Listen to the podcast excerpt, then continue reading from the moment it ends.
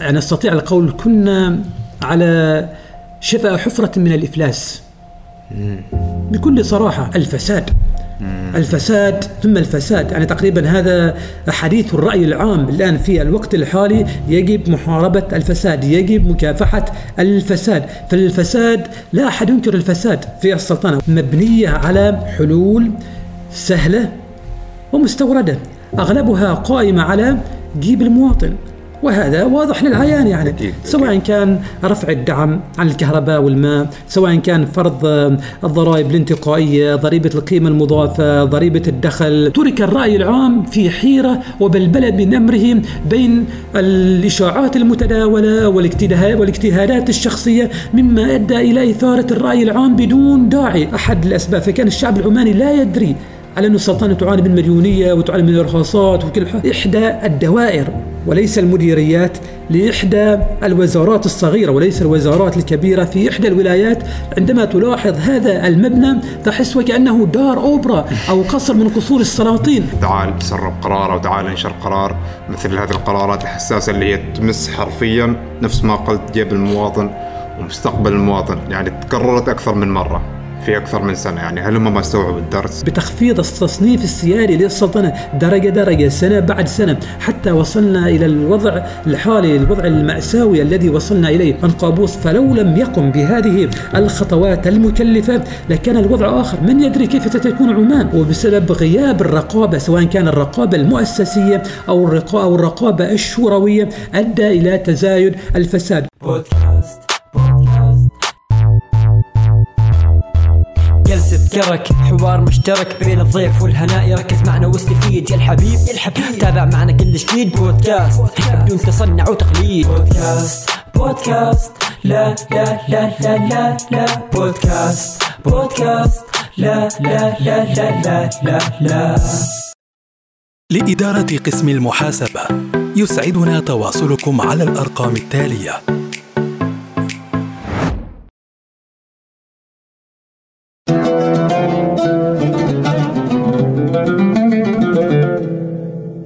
السلام عليكم حلقة جديدة من بودكاست جلسة كرك وهذه الحلقة من الحلقات الاستثنائية لأن مع ضيف كان موجود معنا قبل على طاولة الكرك والآن معنا مجددا على طاولة الكرك واللي هو الدكتور محمد الوردي. أهلا دكتور. أهلا ومرحبا بكم. يا مرحبا فيك. يا أهلا وسهلا فيكم. الله يحييك. آه هذه من الحلقات الاستثنائية لسبب واللي هو أنها بتكون ملخص ل 2020 من الناحية الاقتصادية الأشياء الإيجابية اللي صارت آه في السلطنة تحديدا. وبتكون نفس الوقت بشكل عام على القرارات والأنظمة اللي طرحت مؤخرا ومنذ بداية السنة فلو نبدأ يمكن بأهم حدث حصل للسلطنة في بداية 2020 واللي هو وفاة صاحب الجلالة سلطان قابوس طيب الله ثراه إيش هي رؤيتك للأحداث من الناحية الإيجابية والسلبية اللي حدثت في السلطنة؟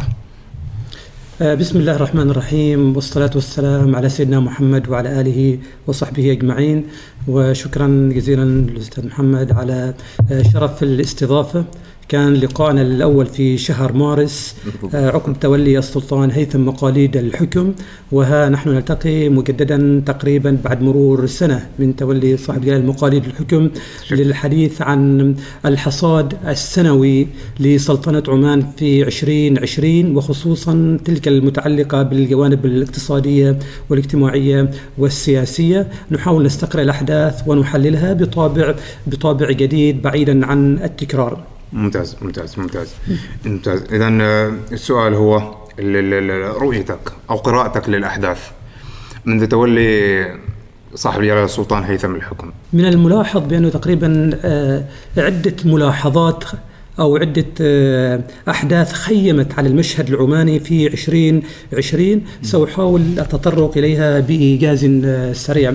أولى هذه الملاحظات التي يمكن ملاحظتها هو آه، مدى الحب والوفاء الذي يكنه الشعب العماني للسلطان قابوس طيب الله ثراه وجعل الجنة مثواه. فمن الملاحظ ومثل ما يلاحظ السادة المتابعين جميعا بأنه الآن مثل على سبيل المثال في تويتر لا يخلو يوم أو أسبوع أو جمعة من ترند عن صاحب الجلالة يتحدث عن مآثره ويدعو له بالرحمة والمغفرة وجنات النعيم وهذا يدل على مدى الحب والوفاء الذي يكنه الشعب العماني للسلطان قابوس وهذا ليس مستغربا عليهم. فالسلطان قابوس بالنسبة للشعب الشعب العماني لم يكن مجرد حاكم وإنما كان حاكم قائد معلم أب ملهم مصلح. فقد اكتث فقد اكتث عمان من ويلات الحروب والفتن ومن الصحاري القاحلة إلى دولة عصرية تنعم بمقومات الدول المتقدمة. لذلك يكون له الشعب العماني كل الوفاء وكل الحب والتقدير. هذه تقريبا الملاحظة الأولى. الملاحظة الثانية بعد تولي السلطان هيثم آه، حفظ الله مقاليد الحكم يمكن أن نلاحظ وجود تشابه في التوجهات بين بين الفكر القابوسي وبين توجهات السلطان عن هيثم. وهذا ليس بالشيء المستغرب لسببين أولهما آه، السلطان هيثم تربى وتشرب بالفكر القابوسي على مدار خمسين سنة. لذلك ليس من الغرابة بأن ينتهج نهجه وأن يكون مشابه ومماثل له في التوجهات السامية. هذا من باب أول. من باب ثاني كذلك الفكر القابوسي يتسم بالمنهجية ويتسم بالحرفية والموضوعية. لذلك ليس بغرابة أن يقتري الآخرين بهذا الفكر. وقد لاحظنا ذلك على سبيل المثال في التشابه في التوجهات بينهما مثلا في السياسة الخارجية. فنلاحظ على أن سياسة السلطان هيثم مشابهة ومقاربة لسياسة السلطان قابوس القائمة على حسن الجوار على بث السلام والوئام بين الأمم والشعوب والمحافظة على الحياد بين كل الأطراف المتصارعة في المنطقة. وكذلك يمكن ملاحظة نفس التوجه بالنسبة لي الشأن المحلي فنلاحظ مدى اهتمام آه، السلطان هيثم بلم الشمل وبتجميع الشعب العماني. لاحظنا ذلك على سبيل المثال عن إعفائه عن ما يقال لهم آه، معتقلي الرأي على سبيل المثال. فكل هذه تدل على حبه وتضحياته وكفاحه من أجل إسعاد الشعب العماني مثل ما كان يفعل السلطان قابوس. أما الملاحظة الثالثة كذلك يلاحظ منذ آه، تولى السلطان هيثم مقاليد الحكم محاولته قدر المستطاع إصلاح الاختلالات التي حدثت في السلطنة خصوصا في السنوات الأخيرة نتيجة لمرض السلطان قابوس. طيب الله ثراه لأن مرض السلطان أدى إلى إلى بعض الاختلالات المالية والاقتصادية والإدارية والتي سنناقشها في الحلقة تباعا. فقد دأب السلطان هيثم من بداية حكمه إلى الآن إلى إصلاح بعض هذه الاختلالات. كما دأب كذلك على تطبيق رؤية 2040 فمنذ بداية عهده ومنذ خطاباته السامية المتكررة وهو دائما دائما يحاول أن يتحدث ويطبق هذه المرئيات لأن لأن رؤية 2040 ستكون بمثابة خارطة الطريق لجعل عمان في مصاف الدول المتقدمة، هذه تقريبا بعض المرئيات وبعض الملاحظات وبعض الأفكار التي خيمت على المشهد العماني طوال سنة 2020. ممتاز ممتاز ممتاز، أنا شدتني آه، اللي هي نقطة اللي هو لما ذكرت أن بسبب مرض صاحب الجلالة طيب الله ثراه السلطان قابوس صار نوع من الفراغ الدستوري هل هذا الفراغ الدستوري أثر على آه، التركيبة الاقتصادية في هذه الفترة؟ لن نسميه بمثابة الفراغ الدستوري فإنه لأنه السلطان قابوس كذلك يعني من حكمته يعني كان يستعد لمثل هذا الموقف. فقد أسس دولة المؤسسات مثل ما لاحظنا التي تستطيع العمل حتى بمعزل حتى عند غياب السلطان قابوس. وقد لاحظنا ذلك أثناء أثناء أثناء سفر صاحب الجلالة إلى ألمانيا للعلاج. كانت الدولة قائمة بكافة مؤسساتها فهي فهو تقريبا قد شرع في بناء دولة المؤسسات. ولكن بسبب مرض صاحب بالجلاله حدثت وبعض أو تم تأخير بعض العلاجات والإصلاحات المالية والإدارية من أجل المحافظة على التوازنات الشعبية في الدولة مما أدى إلى تراكم بعض الإرهاصات وسنتطرق إليها لاحقا بمشيئة الله. ممتاز ممتاز ممتاز، ننتقل للنقطة اللي بعدها اللي هي آه يمكن أكبر حدث في 2020 وكونها سنة ما أريد أقول يعني أكون متشائم كلها مصائب بس هي كلها مصائب وتعتبر سنة كبيسة. آه، جائحة كورونا. يعني تقريبا كل حد تكلم عن هذه الجائحة لكن إحنا اليوم نريد نركز عليها من الجانب الإيجابي. إيش الجوانب الإيجابية لهذه الجائحة؟ بالفعل يعني سنة 2020 ما شاء الله يعني سنة كبيسة بمعنى الكلمة بكل ما تحمله من مصائب وأهوال ومآسي ليس فقط على على البشرية جمعاء وعلى السلطنة خصوصا فقد وقعت فيها الكثير من المصائب والنكبات على السلطنة. حتى أنا أسميتها في إحدى التغريدات يعني تقريبا سنة الصدمات كما يقولون من كثرة الصدمات التي وقعت علينا. وأول هذه الصدمات هي صدمة رحيل السلطان قابوس طيب طيب الله ثراه يعني كانت آه، صدمة وفاجعة جدا للشعب العماني الذي اعتاد على السلطان قابوس على مسيرة عمر مسيرة نصف قرن بأكمله. فكان المصاب جلل الغاية وقد بكاه العمانيين بقلوبهم وعقولهم. بالإضافة لذلك بعد ذلك بالمنطق يعني تفشت جائحة كورونا وما تسببت فيه من إغلاق كلي وجزئي للاقتصاد وما صاحب ذلك من انهيار النفط. وعدت لاحقا إلى ذلك إلى بعض الإصلاحات التي قامت بها الحكومة والتي كان وقعها شديدا ومؤلما على المجتمع مثل رفع الدعم وفرض الضرائب وقانون تقاعد الأخير وهلم جرى فهي تقريبا حافلة بالكثير من المصايب والنكبات. ولكن مثل ما أسلفت الأستاذ محمد يعني ما هو الجانب الإيجابي في سنة 2020 بعيدا عن نكباتها وبعيدا عن نوازلها القاسية. ولو نظرنا بتعمق ليس أقول إلى النصف المملوء من الكأس وإنما إلى الربع المملوء من الكأس فنلاحظ تقريبا توجد بعض الإيجابيات وبعض الحسنات. أولى هذه الحسنات الانتقال السلس للحكم في السلطنة من السلطان قابوس إلى السلطان هيثم. هذه بحد ذاتها يعني تقريبا حسنة وإيجابية حدثت في 2020 تقريبا المراقبين الخارجيين وبعض المستثمرين الأجانب وهكذا كانوا متخوفين من هذه النقطة. آه، نقطة انتقال آه، الحكم بعد وفاة السلطان قابوس فكانت موجودة هذه التوجسات لديهم. ولكن هذه التوجسات كانت أقل لدى الشعب العماني أو البعض حتى لم يعتبرها أنها موجودة. بسبب ويش؟ بسبب الحنكة القابوسية. فالسلطان قابوس من حنكته قد كان يجهز لهذا الأمر. ليس فقط من خلال الوصية وإنما من خلال تهيئة الظروف والأجواء المناسبة لخلق آه، انتقال سلس للحكم بداية بتهيئته للأسرة الحاكمة لكي تكون مثل الصفحة البيضاء بالنسبة للشعب. تهيئته للجيش ليكون في وضع محايد بدون تحزبات أو بدون أي تدخلات وإنما محايد مع الجميع. فما شاء الله يعني تقريبا يعني السلطان أثبت حنكته وكفاءته حيا وميتا. وقد لاحظنا ذلك بسلاسة الانتقال الحكم يعني بعد الإعلان عن وفاة السلطان قابوس والإعلان عن تولي السلطان هيثم مقاليد الحكم مجرد سويعات مجرد سويعات وكان الانتقال سلس ولله الحمد يعني. هذه تقريبا الإيجابية أو الحسنة الأولى.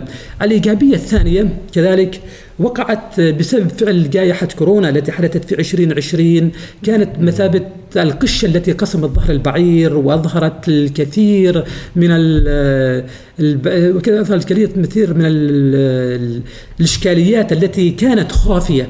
خصوصا المتعلقة بمديونية السلطنة ومديونية الحكول الشركات الحكومية والعجوزات الاكتوارية لصناديق التقاعد. لذلك مباشرة فور تولي السلطان هيثم الحكم بدأ مباشرة بإعادة هيكلة الجهاز الإداري للدولة من خلال دمج الوزارات إلغاء بعض الوزارات. كذلك مراجعة أداء الشركات الحكومية محاولة دمجها بأكملها تحت مظلة قيادة موحدة تحت مظلة جهاز الاستثمار العماني. ونفس الحال بالنسبة للصناديق التقاعد القواعد كان لدينا 11 صندوق وتم جمعها. يعني الله محمد يعني نلاحظ مثلا مثل هذه التحركات يعني كانت تقريبا من من شبه المستحيل. حتى أن أن نراها تتحقق على أرض الواقع. حتى لو لاحظنا الآن تنتشر مقاطع في في وسائل التواصل الاجتماعي عن بعض مطالبات أعضاء الشورى في الفترات السابقة بعملية دمج والغاء الوزارات وتوحيد صناديق صناديق التقاعد وكان البعض حتى يتندر بها.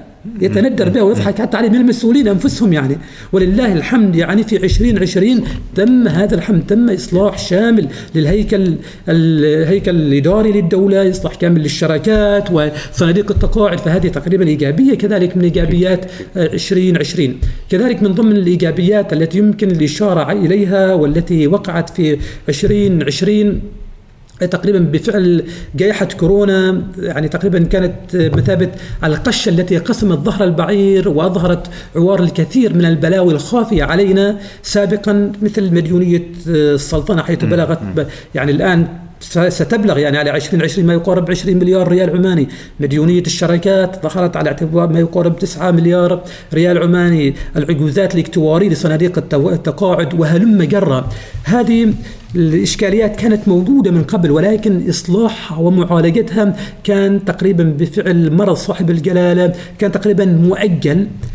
بينما عندما تولى السلطان هيثم الحكم وعندما آه، قسمت جائحة كورونا يعني تقريبا قسمت آه، القشرة التي قسمت ظهر البعير سارعت الحكومة مباشرة فور تولي السلطان هيثم مقر الحكم إلى إصلاح الوضع المالي للسلطنة من خلال القيام بمعالجات إدارية ومالية لإصلاح هذه هذه الإرهاصات فأنا بصراحة أعتبر هذه تقريبا بالرغم من هذا العلاج تأخر ولكن على الأقل وصلنا إليه وبدأنا بدأنا بمعالجته أعتبره في حد ذاته يعتبر إيجابية وحسنة تحسب لسنة 2020 مقارنة بالجوائح والبلاوي التي وقعت فيها. أكيد أكيد أكيد أكيد. بس آه، بنرجع لنقطة اللي هو آه، الدمج اللي صار والترشيق للجهاز الإداري للدولة. آه، نفس ما قلت ما كان حد يتوقع أن هذا الشيء يصير على الأقل على المستقبل القريب. لكن صار نحن تو جالسين نعيش هذا الواقع. إيش في رأيك هي الخطوة المتبقية أو المتوقعة مستقبلا؟ الخطوة المتبقية يمكن يعني تقريبا استقراءها من الخطاب السامي للسلطان هيثم حفظه الله في في إبريل شهر ابريل خطابه الثاني أو كما يطلق عليه خطاب العرش فقد تعهد بعدة خطوات سيقوم بها مثل من ضمن الخطوات التي تعهد بها إصلاح الهيكل الإداري للدولة من أجل ترشيقه والتغلب على بيروقراطيته وقد حدث ذلك فعلا. كذلك تعهده بمراجعة أداء الشركات الحكومية وقد تم ذلك من خلال دمج كل الشركات الحكومية الموجودة بالسلطنة تحت مظلة جهاز الاستثمار العماني. كذلك آه، تعهده بمحاولة كبح آه، جماح المديونية وعجوزات الموازنة وقد تم ذلك ولله الحمد من خلال الإصلاح المالي والإداري ومبادرات برنامج التوازن المالي. كذلك ما تعهد صاحب الجلال بخطوة أخرى وهي مهمة جدا هي خطوة المساءلة والمحاسبة وتطبيق مبادئ الحوكمة والنزاهة وهذا الآن ما ينتظره الشعب. وقد كرر ذلك السلطان هيثم مجددا في خطابه بمناسبة احتفال السلطنة باليوبيل الذهبي بأن خطوات مراجعة القوانين وتطويرها لتتلائم مع الحوكمة والمحاسبة والمساءلة ما زالت قيد المراجعة وستصدر قريبا. ونلاحظ الآن الأخ محمد يعني بفعل مبادرات التوازن المالي يوجد شحن ويوجد تذمر لدى الرأي العام ولدى الشعب والجميع يطالب بالمحاسبة المحاسبة المحاسبة ولهم الحق في ذلك. محاسبة لأن تقريبا كل الخطوات الإصلاحية التي تمت سواء كانت الجهاز الإداري أو الشركات لن تؤتي أكلها بدون تطبيق مبادئ المحاسبة والنزاهة والحوكمة وهلم جرة فمبادئ المحاسبة والحوكمة كما تضمن تضمن تجويد العمل الحكومي وتضمن الوصول إلى النتائج المرجوة من هذه الخطوات وبالمنطق م. الحوكمة والمحاسبة ليست مجرد كلمات تردد أو أناشيد تغنى بها وإنما يجب أن يتم وفق آليات مع وفق آليات معينة من ضمن هذه الآليات التي آه، أقترحها أو تحضرني في الوقت الحالي اولا مثل ما تطرق إليها صاحب الجلالة مراجعة التشريعات والقوانين لكي تكون أكثر فاعلية وتعمل على محاسبة المسيء ومكافأة المجيد. لأن بعض القوانين الموجودة بالسلطنة تقريبا عفى عليها الزمن ويجب تطويرها وتعديلها لتتلائم مع روح العصر ولتتلائم مع المتغيرات الحاصلة الآن ولتتلائم مع روح رؤية 2040 كذلك من ضمن المقترحات تعزيز وتطوير مجلس الشورى خصوصا آه، منحه المزيد من الصلاحيات الرقابية. فمجلس الشورى والجهات التشريعية يعتبر تقريبا مكمل للسلطة التنفيذية للدولة من اي فدائما الرقابة تعمل على تجويد الأداء الحكومي وصقله وتعزيزه. فلذلك لا يوجد إشكالية بين ذلك لا يوجد تعارض بين السلطة التنفيذية وبين الرقابة. فعلى سبيل المثال مثلا مثال بسيط على الإيضاح الرادار. الرادار في الشارع لا يعيق الحركة المرورية وإنما يعمل على ضبط سير الحركة وال وتصيد المستهترين الذين يعيقون الحركة المرورية. ونفس القصة بالنسبة للرقابة التشريعية فإنها تعمل على تجويد العمل الحكومي والارتقاء به وصقله. هذا من ناحية. من ناحية أخرى كذلك نأمل كذلك آه، وضع معايير مناسبة ومعايير مناسبة من أجل الارتقاء بكيفية اختيار أعضاء مجلس الشورى. فالآن الكثير من المواطنين يعني تقريبا يلومون أعضاء مجلس الشورى ويتهموهم بعدم الكفاءة وهلم جرا بالرغم من المعروف يعني كفاءة مجلس الشورى بكفاءة أعضائه. كفاءة الأعضاء تنبع من من؟ تنبع من مدى اختيار الشعب لممثليه في مجلس الشورى. فإن كان هذا الاختيار موفق بالمنطق سيؤدي إلى جلب كفاءات إلى مجلس الشورى وسترتقي بالعمل الشوروي. لذلك نأمل وضع معايير مناسبة من أجل كفاءة اختيار مرشحي مجلس الشورى لكي يمنع من هب ودب من الترشح على أسس قبلية أو أسس محسوبية أو أي أسس أخرى تؤدي إلى آه، إضعاف وكفاءة العمل الشوروي. كذلك من ضمن المقترحات للارتقاء بأنظمة الحوكمة والمحاسبة آه، تقريبا منح المزيد من حرية الصحافة وحرية الإعلام فالصحافة تعتبر بمثابة آه، السلطة الرابعة ويعول عليها الكثير من أجل آه، مراقبة أداء القطاع الحكومي والشركات الحكومية وبالتالي سيهدف إلى تجويد وصقل الأداء الحكومي لما فيه لما فيه مصلحة الوطن والمواطن في النهاية. ممتاز ممتاز ممتاز جدا. زين دكتور آه في آه من ضمن المصائب 2020 اللي هو أن الوضع الاقتصادي العالمي تدهور بطريقة جدا آه سلبية بطريقة جدا مفاجئة. على صعيد السلطنة نوعا ما في آخر خمس سنوات كان الوضع شبه مستقر. في مشاكل في في مؤشرات تدل أن الوضع ممكن يتدهور لكن لما جاءت 2020 تدهور بشكل يعني جدا جدا سيء. ف إيش الأسباب لهذا التدهور المفاجئ كذا؟ آه، تقريبا آه، سؤال جوهري وسؤال مصيري يعني وسؤال حديث الشارع العام وحديث الرأي العام بالمجتمع.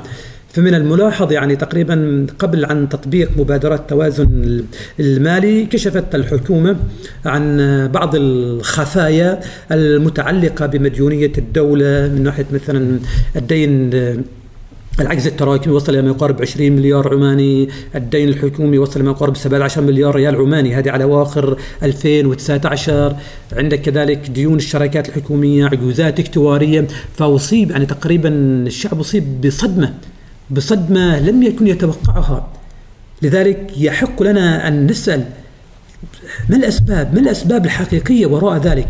بالمناسبة الأخ محمد يعني يمكن تقريبا هذه الأمور كانت صارمة للرأي العام، لكن للمراقبين وللقريبين من الشأن الإقتصادي لم تكن صادمة، فهذه الإشكاليات والإرهاصات لم تكن وليدة الصدفة أو كانت بسبب جائحة كورونا وإنما جائحة كورونا كانت مثابة فقط القشة التي قسمت ظهر البعير. وإنما هذه تراكمات منذ انهيار أسعار النفط في منتصف 2014 منذ منتصف 2014 بدأت التراكمات بالتزايد بدأت تزيد العجوزات الموازنة لجأت السلطنة للاستقراض الخارجي لتغطية العجوزات بدأت تتراكم الديون بدأت تخفيض حتى شركات شركات التصنيف السياري بدأت تنبه لذلك وبدأت بتخفيض التصنيف السياري للسلطنة درجة درجة سنة بعد سنة حتى وصلنا إلى الوضع الحالي الوضع المأساوي الذي وصلنا إليه حيث أنه كان تقريبا الوضع المالي للسلطنة في 2010 2011 تقريبا في مصاف آه، أحسن الدول على مستوى العالم.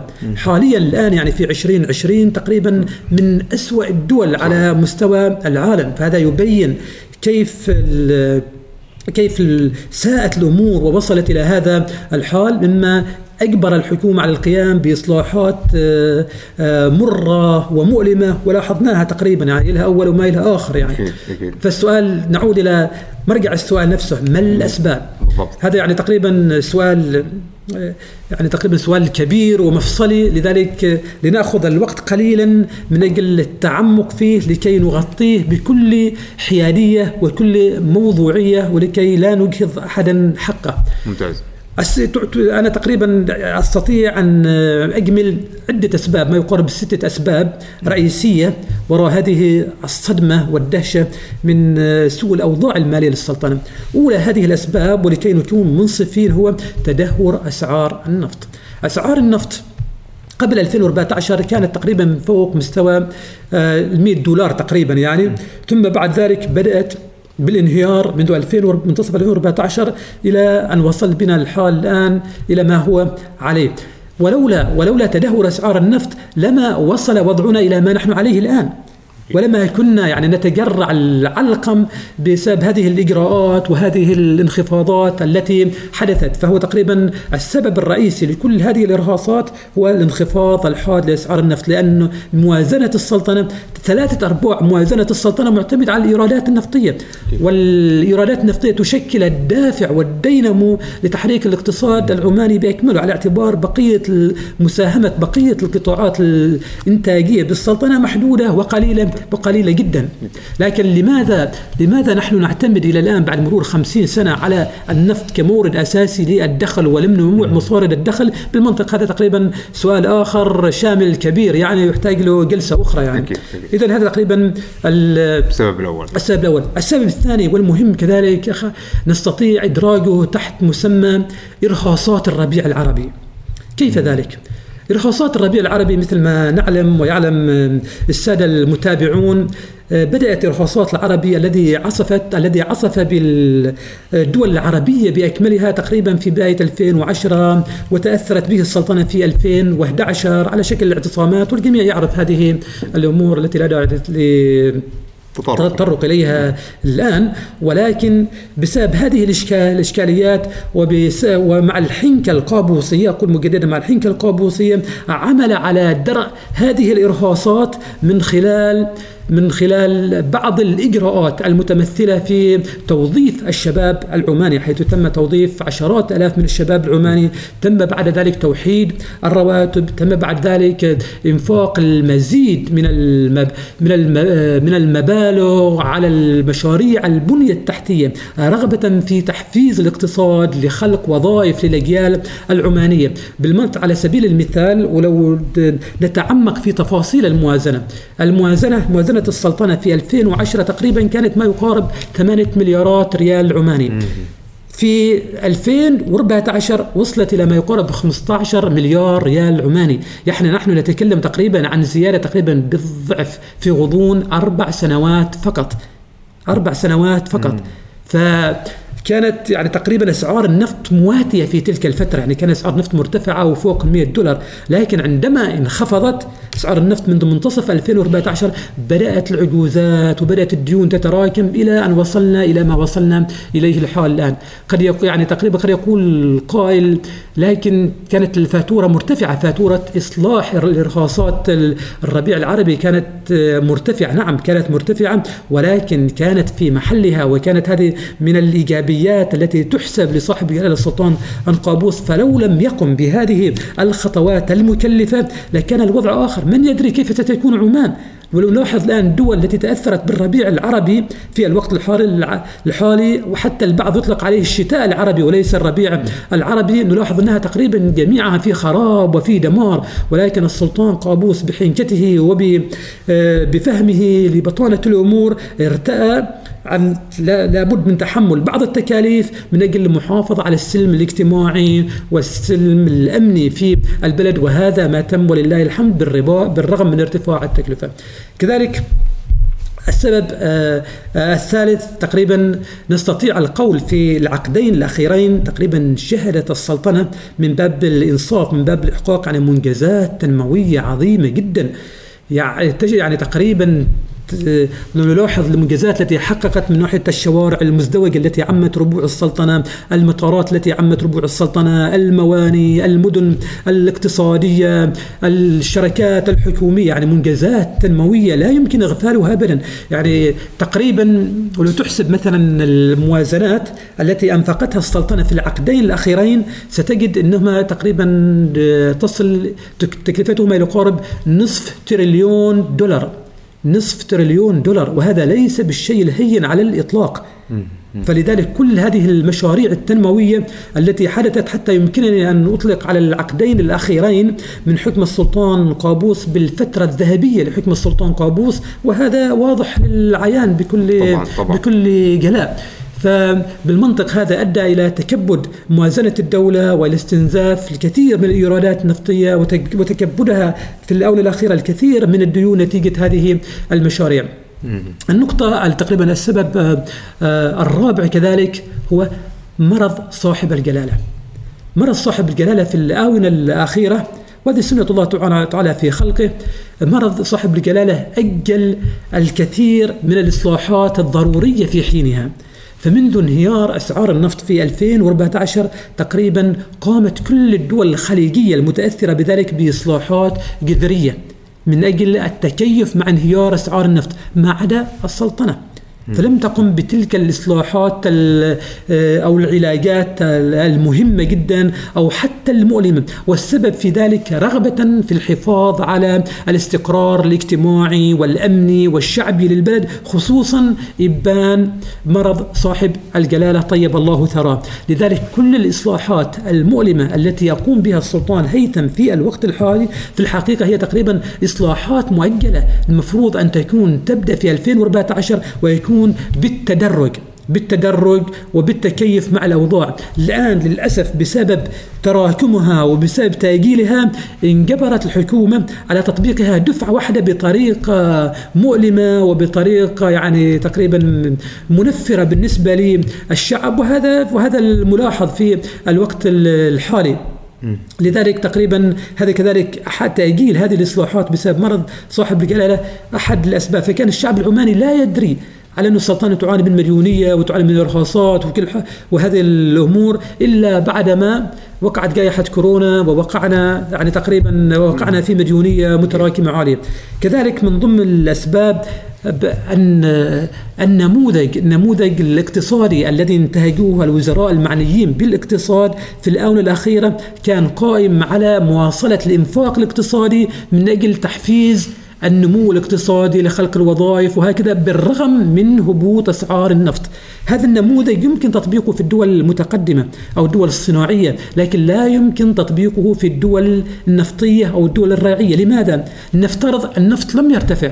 إذا لم يرتفع النفط وأنت دائما تضخ تضخ تضخ وتزيد الإنفاق وتتكبل ديون ستنتهي في النهاية النفط لم يرتفع وفي النهاية كاف يعني تقريبا تكبلت بالديون المتراكمة التي لها أول وما إلى آخر وهذا الذي حصل بالسلطنة يمكن عذرهم يعني للسبب السابق بسبب مرض صاحب الجلالة وعدم رغبتهم في إثارة أي إشكاليات أو إرهاصيات إرهاصات مجتمعية. ولكن هذا الذي حصل لو أخذنا الأمور من أولها وحاولنا أن نرشد الإنفاق قدر المستطاع تواكبا مع الانخفاضات المتواصلة في أسعار النفط لما وصل بنا الحال إلى ما نحن عليه.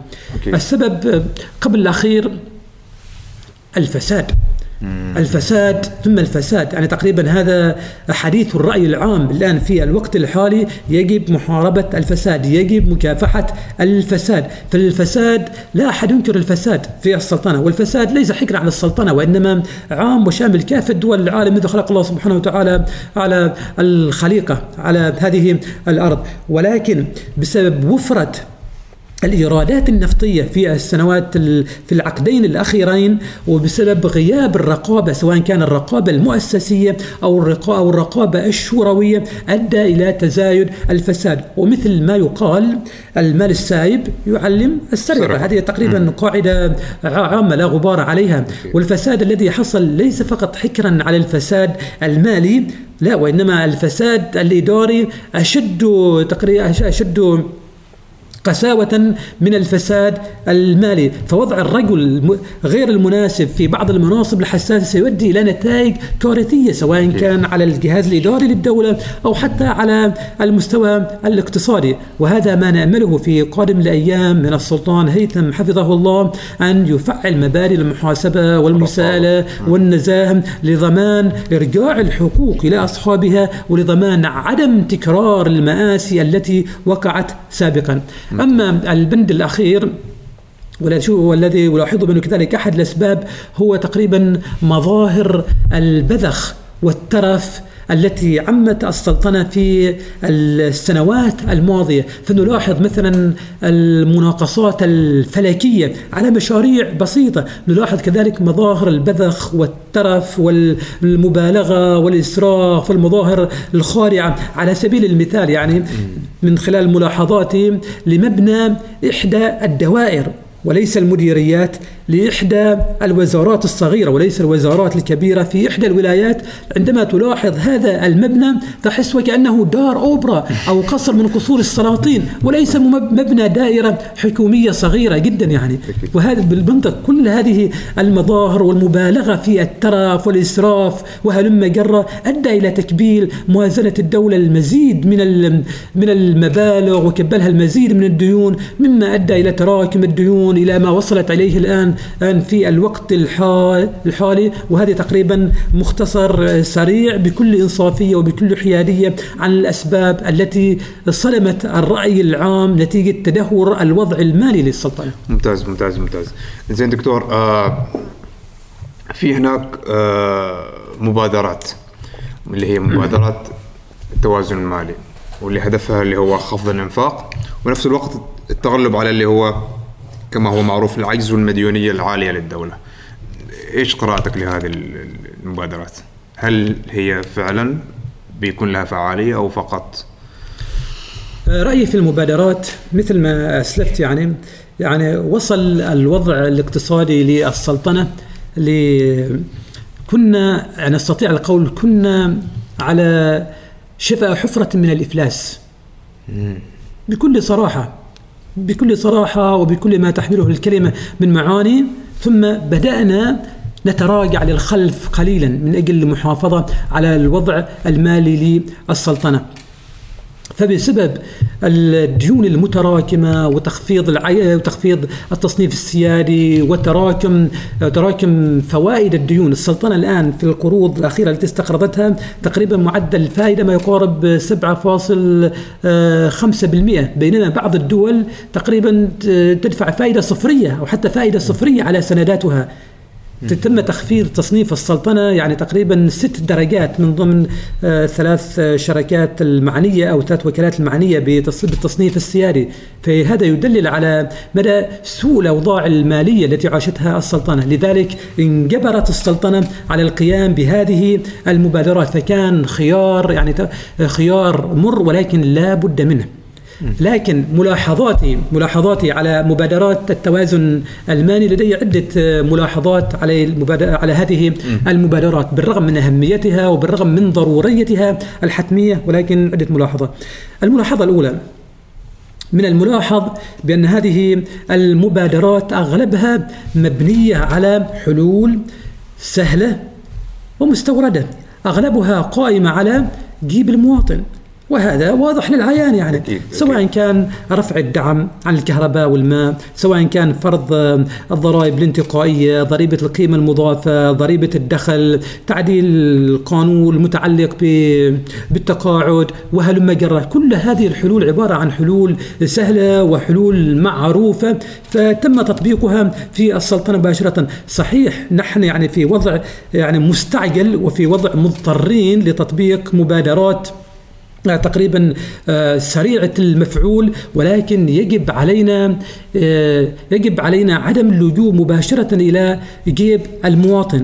يجب علينا إجهاد العقل بتفكير خارج الصندوق من أجل آه، تغطية عجوزات الموازنة. على سبيل المثال لماذا لا تلجأ الحكومة إلى بيع أو تأجير الأراضي الأراضي التجارية والصناعية والزراعية والسياحية بدل ما كانت آه، تقوم بتوزيعها مثلا على النخبة وعلى رجال الأعمال؟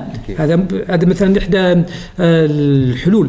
إحدى الحلول كذلك يعني بدل من تضحية بالشعب بأكمله من خلال أو من خلال هذه الضرائب والدعم. لماذا لا يتم فرض ضريبة ذكية أو ضريبة انتقائية على أصحاب الملايين ممن استفادوا من الطفرة النفطية ومن بحبوحة النهضة المباركة. فليس من العدالة الاجتماعية أن نطبق كل هذه المبادرات على من استفاد وكون الثروات الهائلة ومن لم يستفد إلا القليل مثل ما يقال الغرم بالمغنم.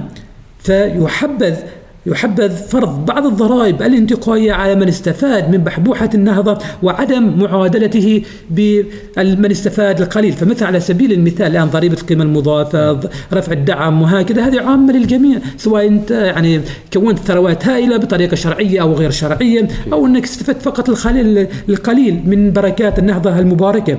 هذا من جانب من جانب آخر كذلك مثل ما نلاحظ الآن يعني كل هذه الإصلاحات التي تمت تقريبا أغلبها إصلاحات مالية وتقريبا أغلبها تتمحور حول التقشف المالي من أجل محاولة كبح عجز الموازنة وتغطية العجوزات وهكذا. ولكن هذا هذه المبادرات المالية قد تساعد على المدى القريب في التقليل من عجز الموازنة وفي تحقيق بعض الاستقرار المالي لكن هذا الاستقرار المالي لن يكتب له الاستدامة.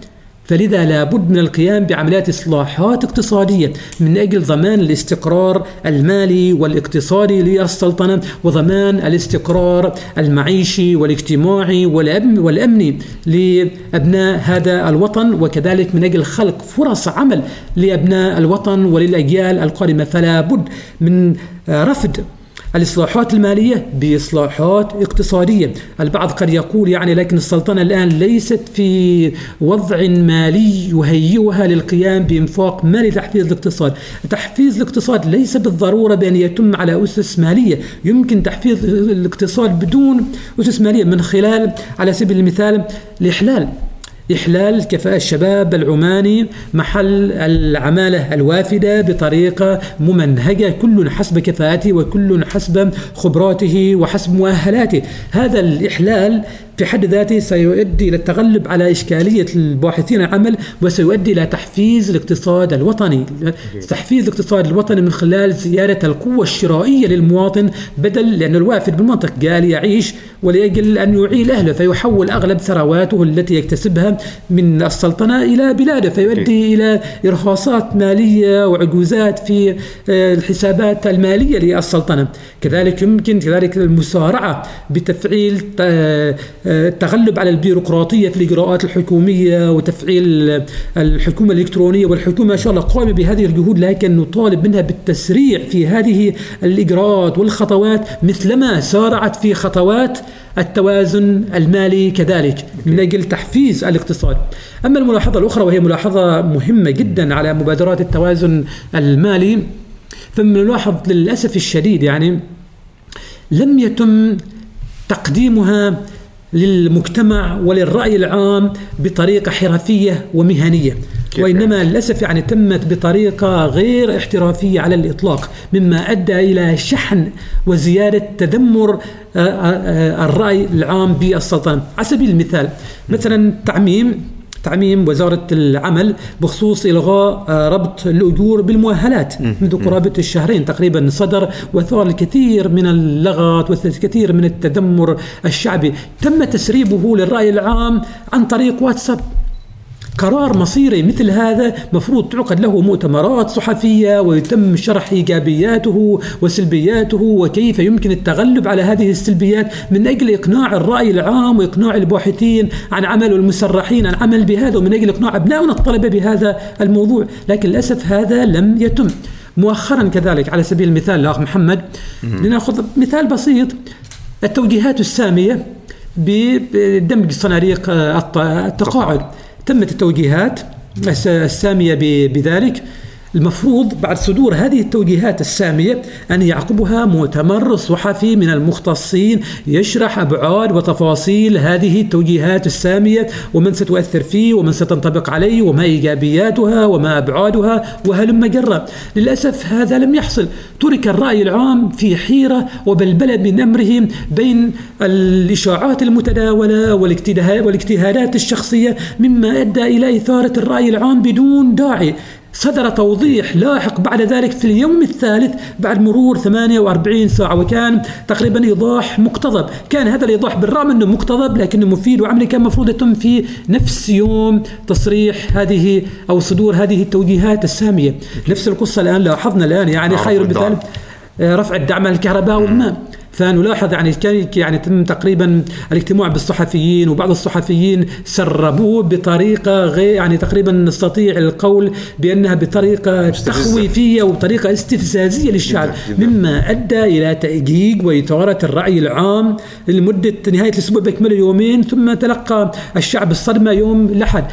المفروض الأمور لا تكون بهذه الطريقة. المفروض يكون تقديم هذه المبادرات وهذه الإجراءات التي تمس بحياة حياة المواطن وتتعلق بمصير الوطن يجب أن تتم بكل شفافية وبكل مصار وبكل مصارحة وفي جو أخوي تبيان إيجابياتها وسلبياتها وأبعادها المختلفة. وهذا للأسف لم يحصل وأنا أدعو السلطات المهنية كما كنت أدعو دوما السلطات المعنية إلى وجوب الاحترافية والمهنية في تقديم هذه الإجراءات للشعب. ليس هذا فحسب كذلك. أنا دوما أدعو إلى مثل ما أسميها ميمات الإصلاح بالسلطنة المصارحة المشاركة.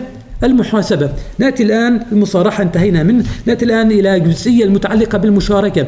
يعني الآن الملاحظ كذلك وهذا كذلك من الملاحظات على المبادرات والإجراءات التي حصلت مؤخرا بأنها يعني ما شاء الله تنزل بين عشية وضحاها. بقدرة قادر تنزل كذا على شكل ملف بي دي اف ويتم توزيعه للصحافة ويتم تطبيقه. المفروض أن تكون أن تكون الأمور بطريقة تشاركية. يتم إشراك ممثلي الشعب من خلال مجلس الشورى أو من خلال الجمعيات المهنية التعاطي مع هذه القرارات تبيان إيجابياتها من أجل تعزيزها استكشاف سلبياتها ومحاولة التغلب على هذه السلبيات قبل قبل وقوعها. بالإضافة لذلك إشراك المجتمع في هذه الأمور سيؤدي إلى إضفاء الصبغه الشعبية ويؤدي إلى تقبل الشعب لمثل هذه القرارات. وهذا هو المطلوب بدلا من إثار بدلا من الإثارة وشحن الشعب على هذه الإجراءات. الإجراءات المتخذة. لذلك لابد من الاحترافية في تقديم هذه المبادرات ولا بد كذلك من أخذ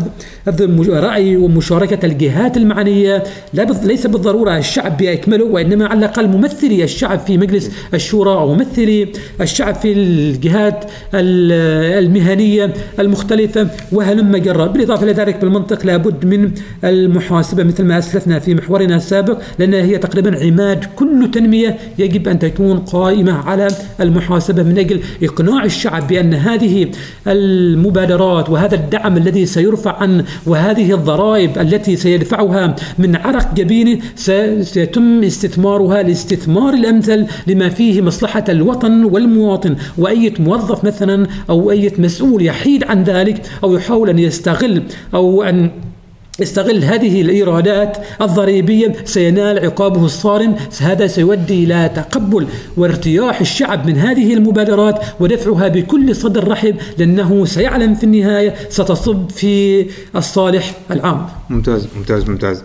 زي دكتور بس في تساؤل كذا في بالي قبل أن ننتقل للنقطة اللي بعدها.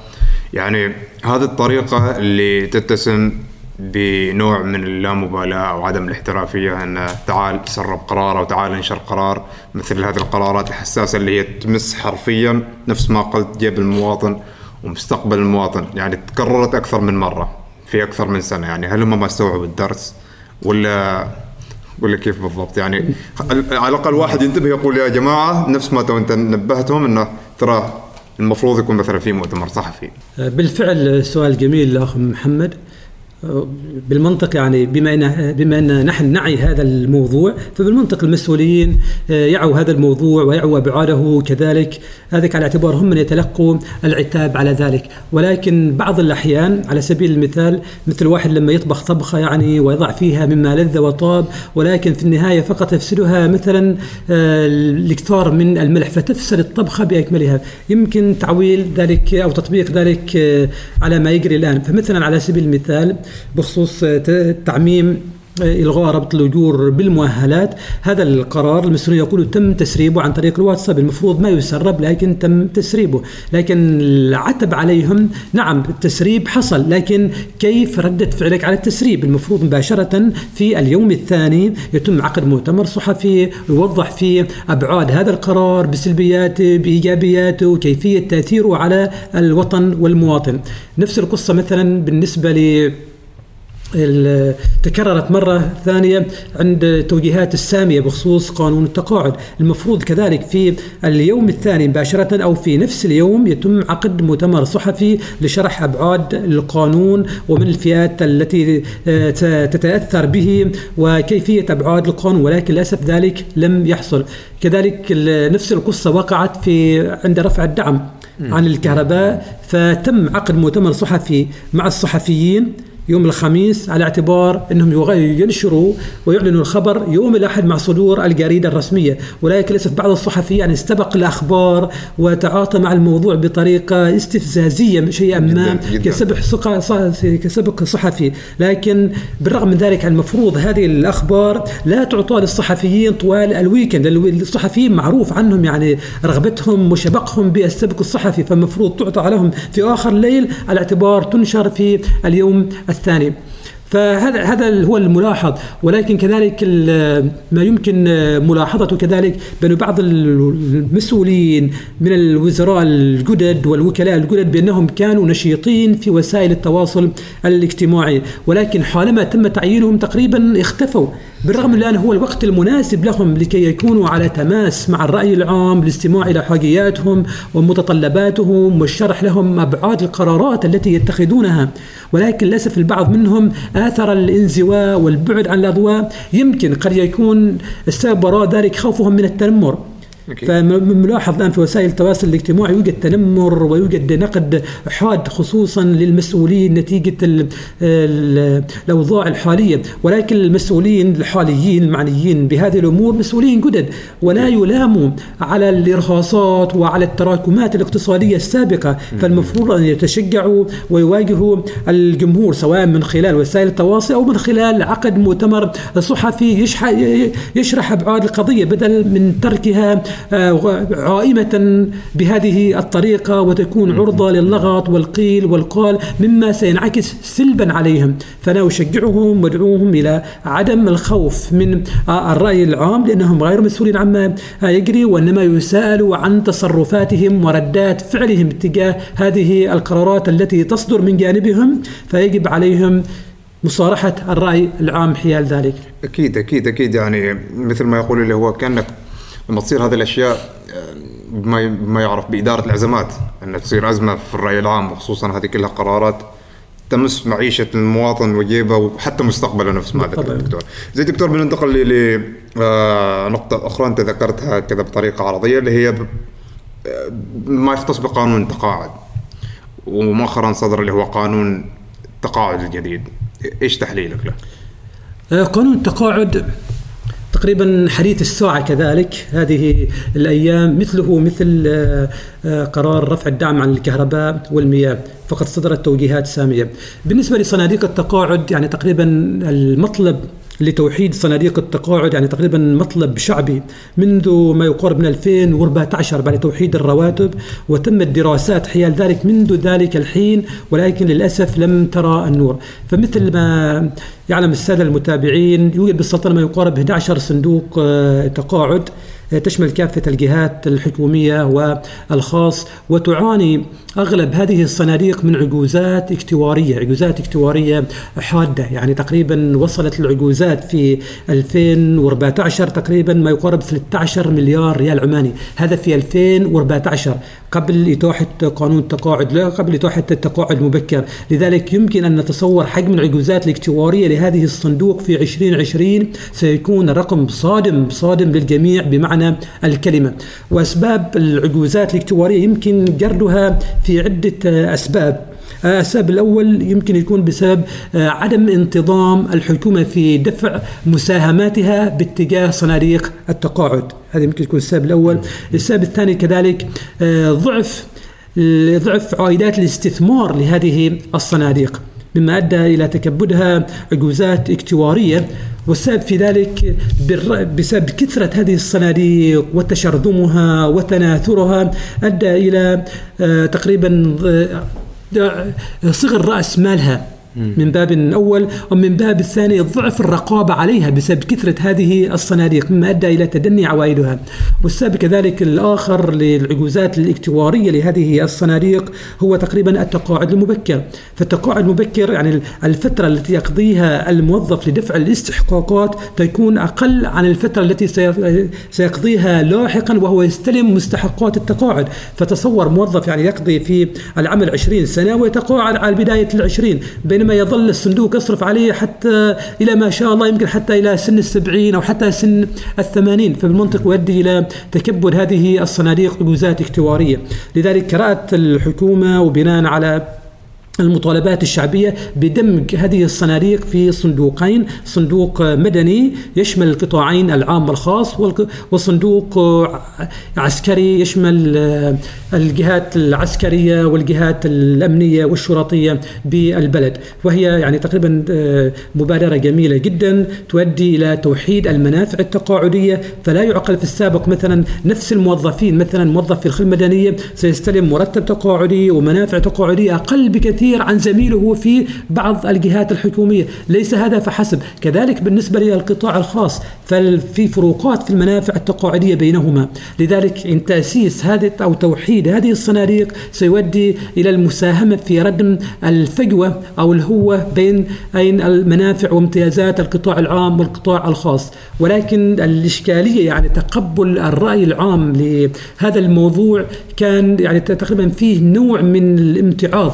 إذا سرق الموضوع والسبب في ذلك يعود أولا إلى طريقة تقديم وإعلان هذه التوجيهات للرأي العام. مثل ما شرحنا ذلك سابقا لم يتم بطريقة احترافية من خلال مؤتمر صحفي يشرح أبعاد هذه القضية وإنما ترك الموضوع عائما مما أثار بلبلة ولغط المواطن مما أدى كذلك إلى يعني بلبله بلبله بسبب كثرة التفسيرات الشخصية والاجتهادات الشخصية عن من سيشملهم القرار ومن سيتأثروا وخصوصا أنه بعض بعض من سيشملهم القرار تقريبا أكملوا 20 سنة فهم تقريبا الآن على وشك التقاعد. فانصدموا بسبب هذا القانون الجديد يطلب منهم أن يشتغلوا 10 سنوات إضافية أخرى فكانت صدمة بالنسبة لهم. لذلك كان من بعض يمكن أن أطرح بعض المقترحات للتغلب على هذه الإشكالية. وذلك يكفي يكمن لأن ستتشكل لجنة في النظر في طريقة الدمج وسيكون أمامها 12 شهر للانتهاء من عمليات الدمج والانتهاء من القوانين والإجراءات المتعلقة بذلك. لذلك أتمنى من هذه الجهة مراعاة من آه، من أكملوا 20 سنة فالبعض منهم يمكن قد يكون في آه، يعاني من بعض الأمراض المزمنة، البعض منهم حتى فقط تقريبا حماسه وقدرته على العمل، البعض منهم حتى يكون عنده ارتباطات بأعماله الخاصة ويرغب في التقاعد مبكر يجب إتاحة الفرصة لهم من خلال آه، مثلا السماح لهم بالتقاعد مثلا لكن بمرتب تقاعدي أقل. بدل ما يحصلوا على 80% مثلا يمكنهم الحصول مثلا على 70% أو شيء من ذا القبيل. يعني يكون فيها نسبة وتناسب وتكون الخيار مفتوح. أو على سبيل المثال مثلا السماح لهم بشراء السنوات المتبقية بأسعار تفضيلية شيئا ما. وبهذه الطريقة الحكومة ستوفر بعض السيولة المالية مالية وفي نفس الوقت ستخلق فرصة عمل للباحثين عن عمل. فلذلك يجب مراعاتهم بطريقة أو بأخرى لما فيه الصالح العام.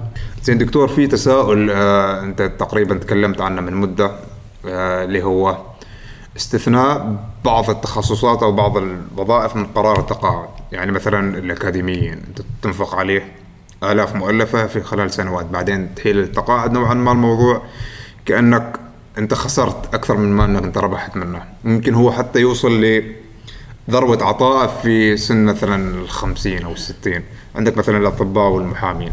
يعني وش وش قراءتك لهذا الموضوع بشكل مفصل. تقريبا هذا يأتي من ضمن آه، المبادرات التي صدرت لحالة للتقاعد ممن اكملوا 30 سنة. من أجل محاولة آه، آه، إزالة بعض الترهل الوظيفي بالجهاز الإداري للدولة وللتقليل من المصروفات الجارية بالموازنة وهلم جرا يعني تقريبا القرار في مجمله صائب ولكن يجب أن نعمل استثناءات فمثلا على سبيل المثال يمكن إحالة لحالة التقاعد مثلا الإداريين على اعتبار أنه يوجد إداريين في الصف الثاني لكي يحلوا محلهم. ولكن هذا القرار لا يمكن تطبيقه على الأكاديميين لا يمكن تطبيقه على الأطباء والجراحين أو على ذوي المهن الحرفية والتخصصية لأن هؤلاء يعني تقريبا يعتبروا ندرة. ولا يوجد من يحل محلهم. والدولة دفعت عليهم الكثير لتأهيلهم. تصور مثلا واحد بروفيسور يعني دفع أو طبيب جراح دفعت عليه السلطنة مئات الآلاف لتأهيله لكي يصل إلى هذا المستوى. وحالما وصل إليه يحال للتقاعد. فبهذه الطريقة ستخسر الدولة من جانبين. تخسر الثروة التي أنفقتها على هذا الشخص. والنقطة الثانية ستخسر أنه لا يوجد أحد يحل محله. لو كان يوجد أحد يحل محله كان يمكن. لكن للأسف لا يوجد أحد يحل محله. فتضطر الحكومة لاحقا في تعيين واحد وافد بداله على سبيل المثال. لذلك أنا من وجهة نظري الأكاديميين والأطباء والمهنيين المتخصصين جدا أن يتم استثنائهم من هذا القانون خصوصا وإنهم هم ما زالوا في سن العطاء ما زالوا في قمة العطاء وقمة النشاط والحيوية الأكاديميين في الجامعات الغربية يتواصلوا في عملهم حتى سن السبعين. فما بالك بأكاديمي عماني وعلى سن الخمسين ويحال للتقاعد ستكون خسارته مضاعفة على الوطن. حاليا ولله الحمد يعني تم استثنائهم من القانون آه، بعض الفئات منهم لمدة سنتين وأنا أطالب بأن يستثنوا من القانون تماما حتى إلى سن إلى حتى إلى سن لاحقة أو إلى سن لا تمكنهم من العمل وخصوصا الأكاديميين والأطباء والمختصين في بعض المهن التخصصية. ممتاز ممتاز ممتاز. زين دكتور نحن بعد آه، هذا التحليل وبعد طرح الأسباب وطرح الحلول. إيش توقعاتك لاقتصاد السلطنة على المدى القريب وأيضا على المدى المتوسط؟ توقعات التوقعات الاقتصادية للسلطنة خصوصا على المدى المتوسط والمدى البعيد ستعتمد على توقعات أسعار النفط. شئنا أم ابينا فالاقتصاد العماني وموازنة الدولة تقريبا معتمدة ثلاثة أرباعها على الإيرادات النفط والغاز. لذلك النفط والغاز هو المحرك الأساسي للاقتصاد العماني خصوصا إذا أخذنا في الاعتبار إنتاجية بقية القطاعات الإنتاجية الأخرى كالسياحة والزراعة والصناعة محدود الأثر مقارنة بقطاع النفط. لذلك الاستشراق المستقبل الاقتصادي للسلطنة يجب علينا أن نستشرق مستقبل النفط. مستقبل النفط الآن يعني مثل ما نلاحظ يعني على يواصل الهبوط منذ 2014 ويمر بتنغصات متوالية وقد يقول قائل بأن الأيام الجميلة للنفط قد ولت أو حتى العصر الذهبي للنفط قد ولى. بالمنطق أهمية النفط لن تتلاشى ولكن نتحدث عن أيامه الجميلة وأسعاره فوق 100 دولار احتمال يكون هذا قد ولى. فلاحظنا والسبب في ذلك يعود إلى سببين رئيسيين. السبب الأول بسبب تطور تكنولوجيا استخراج النفط الصخري حيث أصبح النفط الصخري الأمريكي الآن منافس للنفط التقليدي مما أدى إلى انخفاض الأسعار تباعا ونشوء يعني منافسة محترمة بين الفريقين. أما السبب الآخر والمهم كذلك هو تطور تكنولوجيا الطاقة المتجددة. أصبح الآن العالم يسعى نحو الطاقة المتجددة الطاقة الخضراء طاقة الطاقة الشمسية وطاقة الرياح ولاحظنا ما شاء الله يعني الآن أغلب محطات توليد الطاقة الكهربائية في السلطنة بالرغم أنها دولة نامية ودولة نفطية أغلب هذه المحطات محطات طاقة شمسية فما بالك بالدول الأخرى؟ وهذا يشكل هاجس آه، كبير جدا وينافس ينافس آه، النفط خصوصا إذا أخذنا في الاعتبار الآن تنامي تكنولوجيا السيارات الكهربائية لأنه تقريبا نصف استهلاك النفط في العالم يعود إلى وسائل النقل وخصوصا السيارات والطائرات. فإن تم الاستغناء عن السيارات ال- التي تعمل بالوقود الحفوري إلى السيارات الكهربائية فذلك سيشكل ضربة قاسمة للنفط. لذلك إذا اعتمدنا في اقتصادنا على النفط فإنه مستقبلنا الاقتصادي سيكون ضبابي بضبابية مستقبل النفط. لذا الواجب علينا أن نعمد إلى عدم الاعتماد على النفط والاعتماد على النفس بدلا من ذلك. الاعتماد على النفس بدلا من الاعتماد على النفط من خلال تنويع مصادر الدخل القائمة على الميزات التنافسية التي حبى الله تعالى بها السلطنة. فالعالم قرية صغيرة لا يمكن أن تنافس في كل حاجة وإنما تنافس حسب ميزاتك التنافسية. الميزات التنافسية التي تتمتع بها السلطنة يمكن تعدادها كالتالي في الموقع الاستراتيجي في الثروة السمكية اللي إطلالها على خليج عمان بحر عمان وبحر العرب في الصناعات التحويلية. القائمة على البتروكيماويات أو القائمة على المعادن. الثروة المعدنية السلطنة غنية بالمعادن الصناعية التي يمكن استغلالها لرفد آه، موازنة الدولة. بالإضافة ذلك السياحة السلطنة غنية بمقوماتها السياحية سواء كان المقومات الطبيعية أو التراثية أو التاريخية أو حتى الجيولوجية. وينبغي آه، صن- صقل هذه المقومات. ينبغي التركيز على صناعة السياحة من أجل تعزيز مساهمة هذه القطاعات في الناتج المحلي. هذا بشكل عام.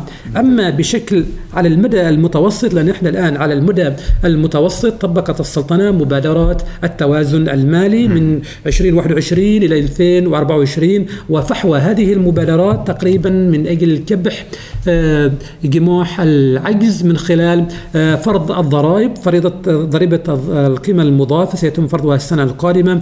ضريبة الدخل ستفرض في 2022 رفع الدعم كذلك على الماء والكهرباء سيتم سيبدأ التطبيق به السنة القادمة. لذلك من المتوقع هذه المبادرات أن تؤدي إلى ارتفاع التضخم بالسلطنة وتآكل القوة الشرائية للمواطن وبطبيعة الحال كلاهما سيؤدي إلى ضعف النمو الاقتصادي خلال السنوات الأربع. لذلك من المتوقع أن السنوات الأربع يمكننا أن نطلق عليهم السنوات العجاف ولكن هذا للأسف لا بد منه من أجل إصلاح الوضع المالي للسلطنة. لذلك يجب علينا كذلك تحفيز الاقتصاد بوسائل أخرى من أجل رفع معدلات النمو الاقتصادي. أما فيما يتعلق ب الشق ال- آه، الاقتصادي على المدى البعيد بالمنطق فذلك سيعتمد على مدى تنويعنا لمصادر الدخل. أما فيما يتعلق بالمديونية لأنه إحنا الآن كل مبادرات التوازن المالي لكبح جماح العجز في الموازنة. ولكن يبقى السؤال ماذا عن المديونية؟ لأن السلطنة الآن تعاني من مديونية عالية يعني تقريبا على نهاية 2020 ستصل إلى قرب 20 مليار ريال عماني.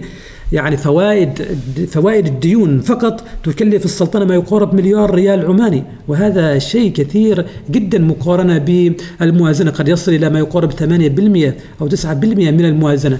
بخصوص هذه المديونية العالية فللأسف يعني ستبقى موجودة معنا حتى لفترة طويلة حتى من ضمن خطط ومبادرات التوازن المالي خفض المديونية العالية للسلطنة لتصل إلى 60% من الناتج المحلي في 2040 20 40 يعني بعد 20 سنة ستظل الديون موجودة لكن نسبتها حتى حتى قد تكون أكثر من الديون الحالية الآن حاليا حاليا ولكن بسبب زيادة الناتج المحلي مع زيادة عدد السكان فستقل نسبتها فتصل إلى 60% لكن هاجس المديونية والفوائد والفوائد التي ندفعها لهذه الديون ستظل موجودة معنا لفترة طويلة ومن أجل التغلب عليها يجب علينا تحفيز الاقتصاد بأي طريقة ممكنة والاعتماد على الميزات التنافسية التي ننعم بها والاعتماد على النفس. ممتاز ممتاز دكتور. زين آه، دكتور بما أنك ذكرت آه، آه، 2040 نحن الآن آه، على مشارف آه، 2021 واللي هي آه، السنة اللي بيبدأ فيها التطبيق الفعلي اللي هي رؤية 2040 آه، قراءتك للرؤية هل هي مثل ما يقولوا بتكون لها فعالية على الأقل ولا صورة ضبابية؟ هي الرؤية يعني تقريبا ما شاء الله تتمتع ب خلينا نقول تتمتع بمنهجية وشاملة يعني يعني تقريبا تشمل كافة نواحي الحياة من اقتصاد وتعليم وصحة وتنمية مجتمعات محلية وبيئة وابتكار يعني تقريبا كافة النواحي الحياة المختلفة. وتمت وفق منهجية ووفق عصرية تراعي المستجدات العصرية القائمة على الابتكار وعلى الاهتمام بالمهارات التعليمية وهلم جرة وكذلك مما يميز رؤية 2040 أو مما يفرق بينها وبين رؤية 2020 ودائما المواطنين عند ذكر رؤية 2040 يقرنها برؤية 2020 وبعض الإخفاقات التي حصلت في تطبيق هذه الرؤية. ولكن رؤية 2040 تتمتع ببعض الميزات نذكرها على عجالة من الأمر. إحدى هذه الميزات بأن هذه هذه الرؤية آه، مربوطة بمؤشرات قياس أو مؤشرات أداء عالمية على عكس رؤية 2020 مؤشرات الأداء هذه ليست مؤشرات محلية يمكن التلاعب بها أو التغاضي عنها وإنما مؤشرات عالمية مثل مؤشرات التنافسية العالمية مؤشرات سهولة ممارسة الأعمال المؤشرات المتعلقة بالمهارات التعليمية والابتكار والصحة وبعض المؤشرات الاقتصادية الرياضية الموثوقة وهكذا. وهذا يعزز من إمكانية تطبيق وتطبيق ومراقبة أداء الرؤية. النقطة الثانية التي تفرق بين رؤية 2020 ورؤية 2040 هو وجود مرجعية تسعى خلف الرؤية وتراقب أدائها ممثلة في المكتب الخاص لصاحب الجلالة وممثلة في وزارة الاقتصاد. في السابق في رؤية 2020 لم تكن وراها مرجعية تسعى إلى تطبيقها أو لم تكن ملزمة أما رؤية 2040 الوضع مختلف. وأما الفرق الأكبر بين الرؤيتين فهو من يقف وراء هذه الرؤية نفس الشخص الذي سعى لرسم هذه الرؤية. هو حاليا هو نفس الشخص المسؤول عن تنفيذها وهو المقام السامي لصاحب الجلالة السلطان هيثم حفظه الله ورعاه. ولذلك نأمل أن تنال دفعة قوية من المراقبة والتحفيز من أجل تطبيقها. هذا فيما يتعلق بالجوانب الإيجابية المتعلقة بالخطة.